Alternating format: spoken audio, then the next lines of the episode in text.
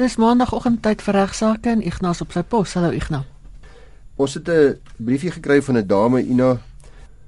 Sy noem haarself Bettina van die Klein Karoo. Sy sê dat haar man met wie sy buite gemeenskap van goedere getroud is, sy boedel is onlangs gesekwestreer. En nou het sy 'n skrywe ontvang van die kurator van die insolvente boedel waarin hy haar versoek om hom te voorsien van 'n opgawe van haar bates. Sy sê maar ek is buite gemeenskap van goed getroud. Wat het dit met my wat oh. sy bates met uh, my bates met hom uit te waai. Nou sy het toe telefoniese navraag by die kurator gedoen en uh, hy het haar meegedeel dat haar bates ook na die insolvente boedel oorgaan. En sy is baie ontstel daaroor en ek kan duidelik aktueel sy verstaan nie mooi wat hy vir haar gesê het nie. Ek verstaan wat hy vir haar gesê het. Uh sy sê hy het 'n uh, houding en uh, en uh sy kan nie sien uh hoekom sy aan hierdie versoek enigstens moet voldoen nie. Maar sy sê ook dat uh, benewens sommige klein persoonlike besittings het sy die volgende bates. Sy sê dit is 'n slaapkamerstel wat 'n man aan haar geskenk het in terme van 'n huweliksvoorwaarde kontrak. Uh sy sê sy het 'n plaas wat sy by haar oorlede nee, sy sê net wat sy geërf het. Sy sê sy het 'n seelversameling wat sy van haar kinderdae af opgebou het en uh, ook self aangevul het wat al baie waardevol is. Uh en 'n groot deel daarvan sê sy is na die huwelik uh, eintlik verkry. En dan sê sy sy het 'n baie waardevolle Adrian Boshoff skildery wat haar man ook aan haar geskenk het net voor sy boedel gesekwestreer is 'n maand of twee klei ek af hierso. En sy sê sy gaan nie een van hierdie bates gaan sy definitief nie vir die kurator gee nie. Uh en wat moet sy daarmee doen? Nou dame Bettina, dis natuurlik korrek dat ware luisteraar en haar egnoot buite gemeenskap van goedere getroud is. Daar twee afsonderlike boedels is. En dan is dit absoluut reg vir die dame sê dat haar afsonderlike boedel word nie gesekwestreer nie. Net haar man se word gesekwestreer, maar dit beteken egter nie dat die sekwestrasie van haar man se boedel nie ook gevolge vir haar inhou nie, vir haar boedel nie. Want daar bestaan 'n wanopvatting uh tot die effek dat die partye glo dat wanneer hulle buitegemeenskap van goedere met mekaar getroud is, dan hulle geregtig is wees om bates oor te plaas van een eggenoot na die ander uh wat natuurlik ook gevolg sal hê dat by die sekwestrasie prosedure skuldeisers dan mag vind nou hulle sielik niks meer nie. Aan die ander word ek dit gaan nou sleg met my besigheidjie nou sê ek vir hoorie maar kom ek dra gou die huis in jou naam hoor of vat jy nou maar die karre of ja. vat jy nou maar die waardevolle skilderye of wat ek nogal dan sê ek wee wee wee vir my skuldeisers daar's niks meer in my boedel oor nie so julle kan niks daaraan doen nie. Mm uh dan's dit dan's ek nou skielik 'n leë dop. Nou om hierdie rede, om hierdie bedrieglike optrede hok te slaan, die wetgewer het goed gevind en nodig gevind en dink tereg ook so om die insolventiewet aan te pas tot die mate dat die bates van die solvente egnoot, dis nou ons vrou Bettina, ook oorgaan eers by meester van die Hooggeregshof uh en dan op die kurator wanneer die kurator aangestel word.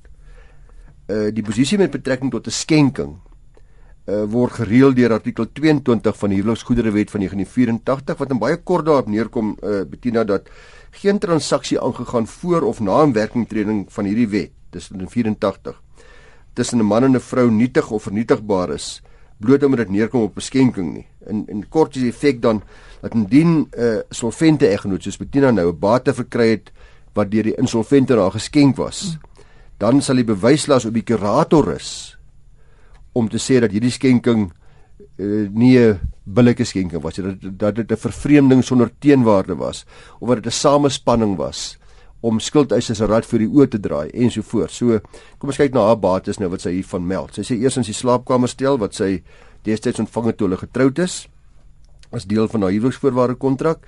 Ek huiwer glad nie as ek sê dat hierdie bate beskerm sal word in enige aanspraak deur die uh kurator van die insolvente boedel nie, so jy moenie daaroor bekommerd wees nie.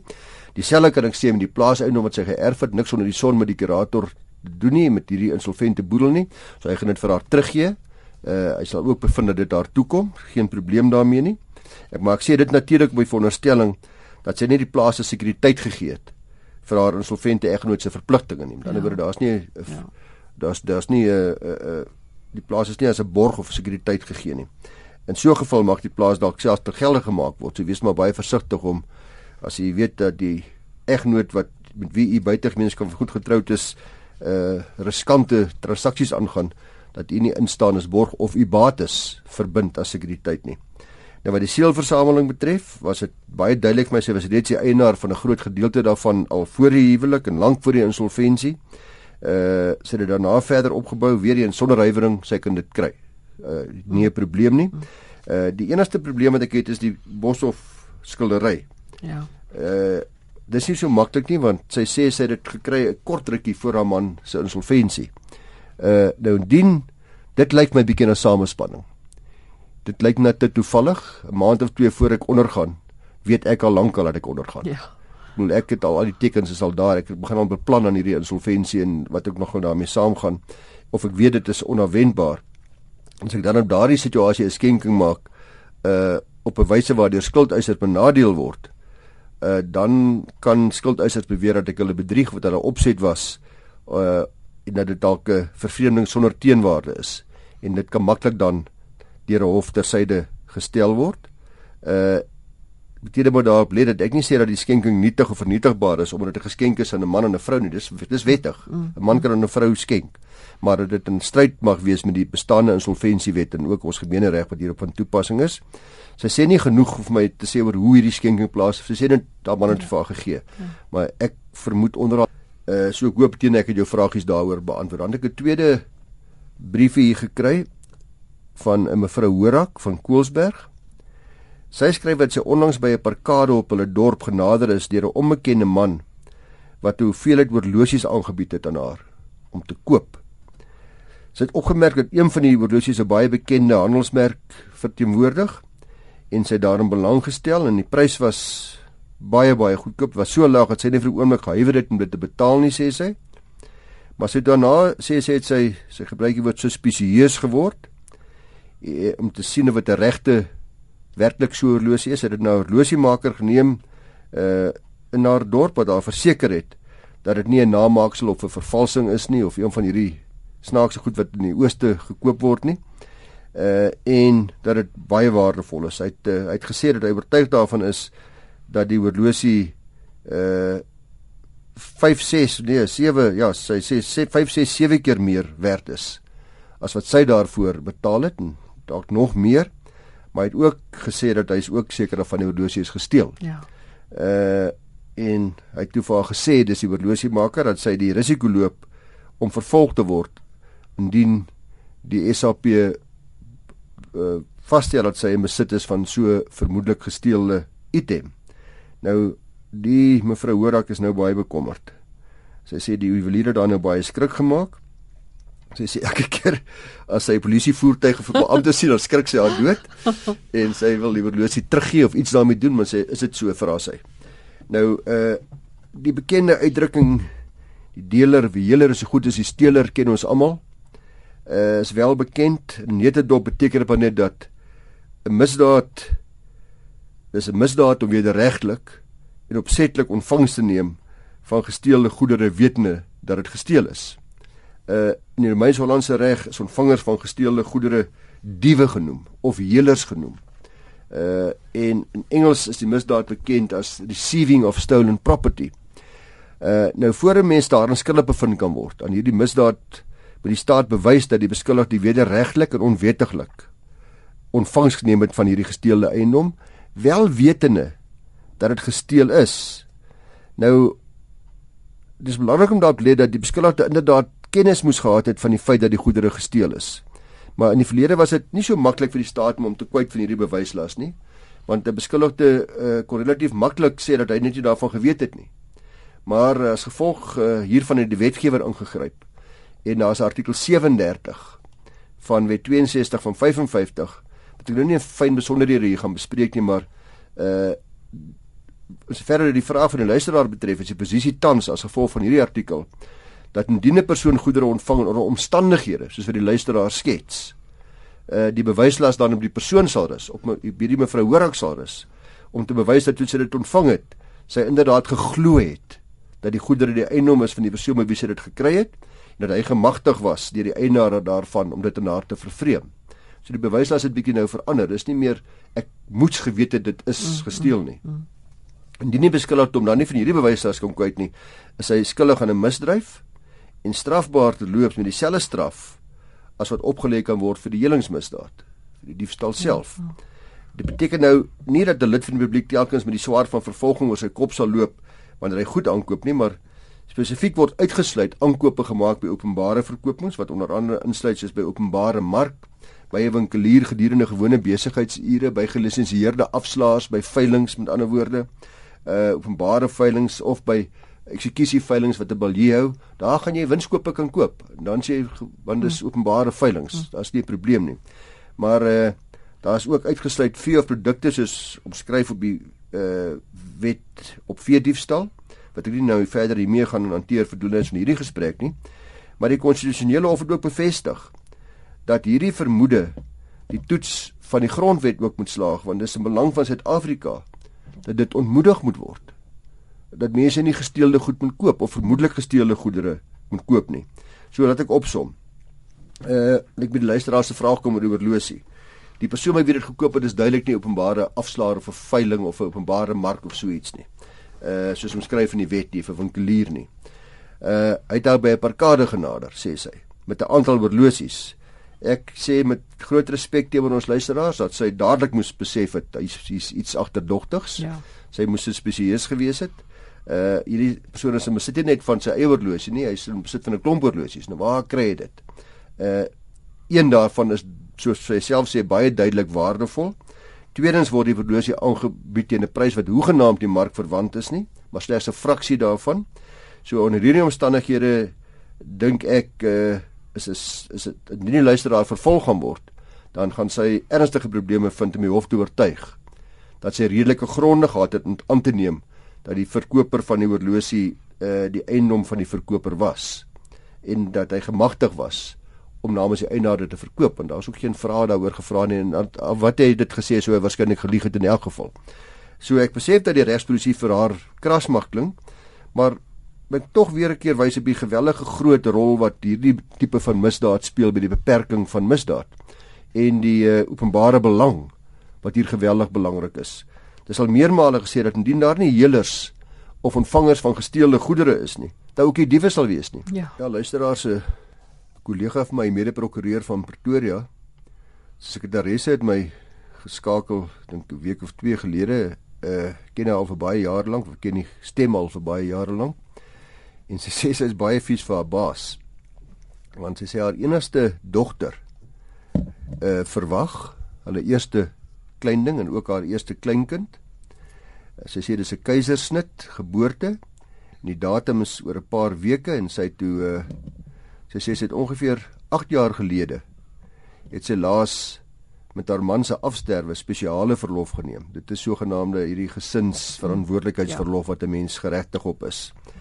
En sy sê dat sy nou haar werkgewer gaan sê van die kleinkind wat op pad is en ek ken die werkgewer, so ek gaan nie sy naam noem nie. en hy het vir haar gesê, "Eikonna, sy kan nie gesinsverantwoordelikheidsverlof neem omdat haar dogter kraam of haar dogter siek is soos hy sê nie.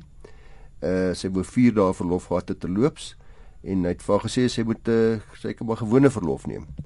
Uh sy sê onder andere dat uh sy en 'n man sy en haar uh, vriend beplan reeds om vir 4 weke oor see te gaan later die jaar wat hulle al baie lank voor beplan en dan sê het nie eintlik meer gewone verlof hierdie jaar oor nie en sy is nou sielsongelukkig.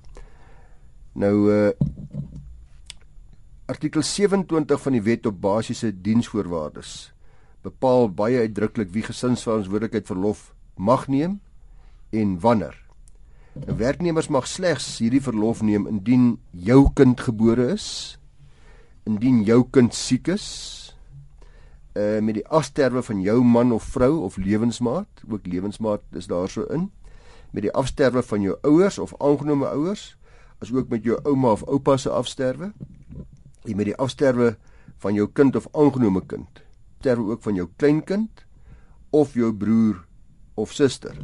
Nou soos hy gehoor het hier reeds dat hier onder is nie die my dogter wat kraam nie. Want dit is beslis nie jou kind wat siek is dan nie. Dis uh da, dit word nie as 'n siekte beskou om te kraam nie. Uh 'n werknemer kom nie vir betaalde gesinsverantwoordelikheidsverlof in aanmerking byvoorbeeld as jy nog nie 4 maande by die betrokke plek gewerk het nie of uh, as jy minder as 4 dae per week uh, by so 'n plek werk nie wat in hierdie geval is hy weet ek sy werk permanent daar of as die werknemer minder as 24 uur per maand by so 'n plek werk. Nou permanente uh of voltydse werknemers soos wat ons luisteraar is wat die persoon wat my geskakel het, uh is geregtig op 3 dae gesinsverantwoordelikheids verlof per jaar. Dis die gewone siektes wat mense altyd het oor 'n tydperk van 12 maande. Uh en as jy dit nie geneem het binne daai 12 maande dan verval dit, dan verbeur jy dit, dan begin dit weer loop vir die volgende siklus van 12 maande. As jy byvoorbeeld uh 3 dae gesinsverantwoordelikheid verlof geneem het toe jou klein ding siek was en uh, uh daarna sterf jou pa.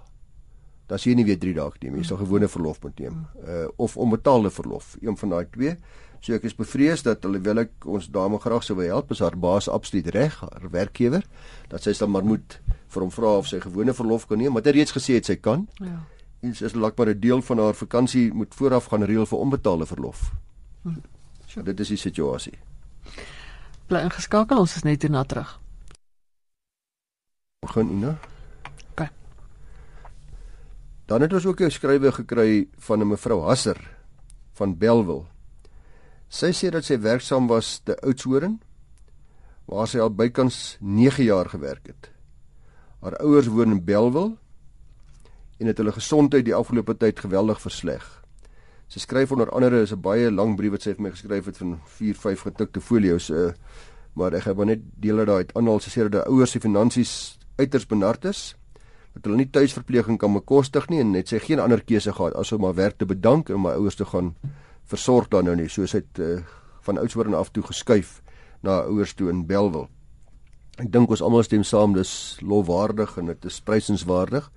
En dit maar dit skep nou vir haar 'n probleem want sy sê dat uh, sy is nou al 'n paar maande in Belwel. Nie tenstaan verskeie pogings kon sy nie daarin slaag om 'n nuwe betrekking te vind nie. Sy spandeer sy, sy elke dag 'n hele klomp uur daaraan.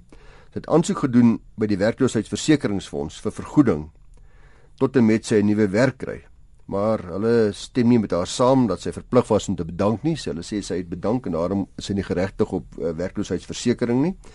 Uh ek lei af uit haar briewe uit dat sy reeds eintlik ook by 'n prokureur was waar sy die regte advies gekry het, naamlik dat sy verkeerd is en dat die werkloosheidsversekeringsfonds korrek is. Uh maar ek dink tog is belangrik om ter wille van ander luisteraars net weer kortliks die regsposisie uiteen te sit. En dit is dat as persoonlike omstandighede 'n mens dwing, dan is dit hoe lofwaardig of hoe hoeveel begrip mense daarvoor ook nogal mag hê. Uh as dit jou dwing om te bedank, maak dit jou ongelukkig nie daarop geregtig om werkloosheidsversekering te ontvang nie. Uh die korrekte en die veilige opsie vir ons luisteraars sou gewees het om eers seker te maak natuurlik dat sy eers 'n werk kry in Oudtshoorn voordat sy sommer haar werk bedank van Belwel af of andersom, met sy eers 'n werk kry in Belwel voordat sy haar werk bedank in uh, in Oudtshoorn. Nou die algemene reël is dat u ook nie geregtig is op voordele as u by 'n werk bedank het nie. Dis die algemene reël. Werknemers kan slegs voordele kry indien jou dienskontrak verstryk het, of indien jou werkgewer jou ontslaan het of indien jou werkgewer bankrot is, word gesekwestreer, gelikwideer is, daai soort van ding. Daardie voordele wat jy ontvang is ook nie soos baie mense dink jou volle vergoeding. En ek kan sien in hierdie briefie dink die dame ook dis volle vergoeding wat sy voorheen gekry het nie. Dis nie 'n volle vergoeding nie. Uh of net 50% of iets daarvan nie. Dis baie mense wat dit ook sê. Die persentasie hang af van hoe lank jy tot die fonds bygedra het. Dit kan wissel van enige iets van so 38% tot 58% uh, in daai omgewing. Uh dit kan ook nooit langer wees as 238 dae nie, dan word dit beëindig. So is nie vir altyd nie. Jy moet nog steeds werk soek, jy moet nog steeds ja. werk kry. En die voordele sal natuurlik ook dan beëindig word sodra jy weer begin werk. En ook selfs wanneer jy vir opleiding gaan by jou nuwe werknemer, 'n werkgewer. Dis interessant om ook te weet dat huiswerkers geregtig is op voordeel indien hulle slegs gedeeltelik hulle werk verloor. Dit weet min mense. In 'n woorde, uh baie sulke werkers werk byvoorbeeld huiswerkers een dag per week by huis A en dan een dag per week by huis B hmm. en een dag by huis C, wat ek nog dit mag wees. Uh, indien 'n werkweer nou by huis A byvoorbeeld sy nou nie meer daar werk nie. Uh dan kan hulle eis indien vir daai een dag per week by die werkloosheidsversekeringsfonds daai dag het hulle nie meer vergoeding ontvang nie. Ons luisteraar skryf dat daar al 'n paar maande verby is van en sy bedank het. Dit is ook belangrik om te onthou dat werknemers uh binne 6 maande nadat hulle opgehou werk het, hulle eis by die departement moet indien. Ek weet nie hoekom nie, Ina, maar ons kry al hoe meer briefies van deeltitel kompleks eienaars wat ongelukkig is met hulle bestuurslede of hulle beheerraadslede of met hulle heffings of wat ek nogal en ek het uh, dit onlangs hanteer, maar dink tog hierdie briefie uh, wil ek graag hanteer. Ja. Want uh, dis 'n luisteraar van 'n deeltitelkompleks in Midrand wat uiters ongelukkig is hierdie keer oor 'n spesiale heffing wat by hulle kompleks gehef is. Nou eersins beweer sy dat daar 'n swembad is wat deur baie min inwoners werklik gebruik word. Die swembad het begin lek sê sy en die beheerliggaam nou besluit dat elke inwoner 'n spesiale heffing van 'n hele van 'n paar duisend rand nog al seker nie 'n baie groot kompleks nie. Uh moet betaal om die swembad te herstel. Sy sê afgesien daarvan het nou 'n tweede brief ontvang van die beheerliggaam waarin 'n tweede spesiale heffing versoek word omdat hulle beweer dat hulle finansiële tekorte het as gevolg van wanbetaling deur sekere eienaars. Hulle boeke klop nie meer lekker nie. Nou ons luisteraar is duidelik baie ontstel. Ek gaan nie die woorde gebruik mens uit die voorsitter van die beheerliggaam beskryf nie. Dis redelik kras beskrywend, maar is genoeg om te sê dat sy van mening is dat hierdie optrede nie geregverdig is nie en dat dit nie die probleem is van ander inwoners nie. Uh sy sê dis die beheerraad se probleem, beheerliggaam se probleem, dien daar wanbetaling is of indien die swembad herstel moet word. Nou ons luisteraars is natuurlik nie heeltemal korrek nie aangesien die instandhouding van die perseel van die hele deeltitelkompleks die uh en die finansiële balansering van die boeke want dit is probleme in hierdie geval duidelik is uiteraard daar aspekte wat elke inwoner van so 'n kompleks raak. Ja. Uh trustees of beheerliggaamlede is nie persoonlik aanspreeklik vir enige tekort nie want dit is baie keer wat en ek geïmpliseer word ook deur hierdie briefie maar dis hulle probleem. Hulle moes gekyk het, hulle moes gesorg het. Uh dis nie hulle probleem nie. Dit is die al die eienaars saam gesamentlik se probleem. Egter korrek as sy sê dat die wyse waarop hierdie spesiale heffings bloot beskrywe op hulle afgedwing word, veel te wense oorlaat. Uh daar spesifieke prosedures wat gevolg moet gevolg moet word wat ek al reeds voorheen bespreek het. Uh waar kragtens alle inwoners die reg het om 'n inset te lewer oor die heffing van 'n spesiale uh betaling. Uh die eienaars se byvoorbeeld kom besluit argumentsendalwe dat die swembad liewer toegegooi moet word. Dat hulle nie die swembad langer wil hê nie, dat hulle nie daai kostes wil aangaan nie. Uh en in plaas daarvan dat dit herstel word. Dis verder ook sodat 'n goeie beheerliggaam eers anders hulle vermoë sal doen om alle uitstaande gelde van agterstallige betalers in te vorder en daar's metodes om dit te doen.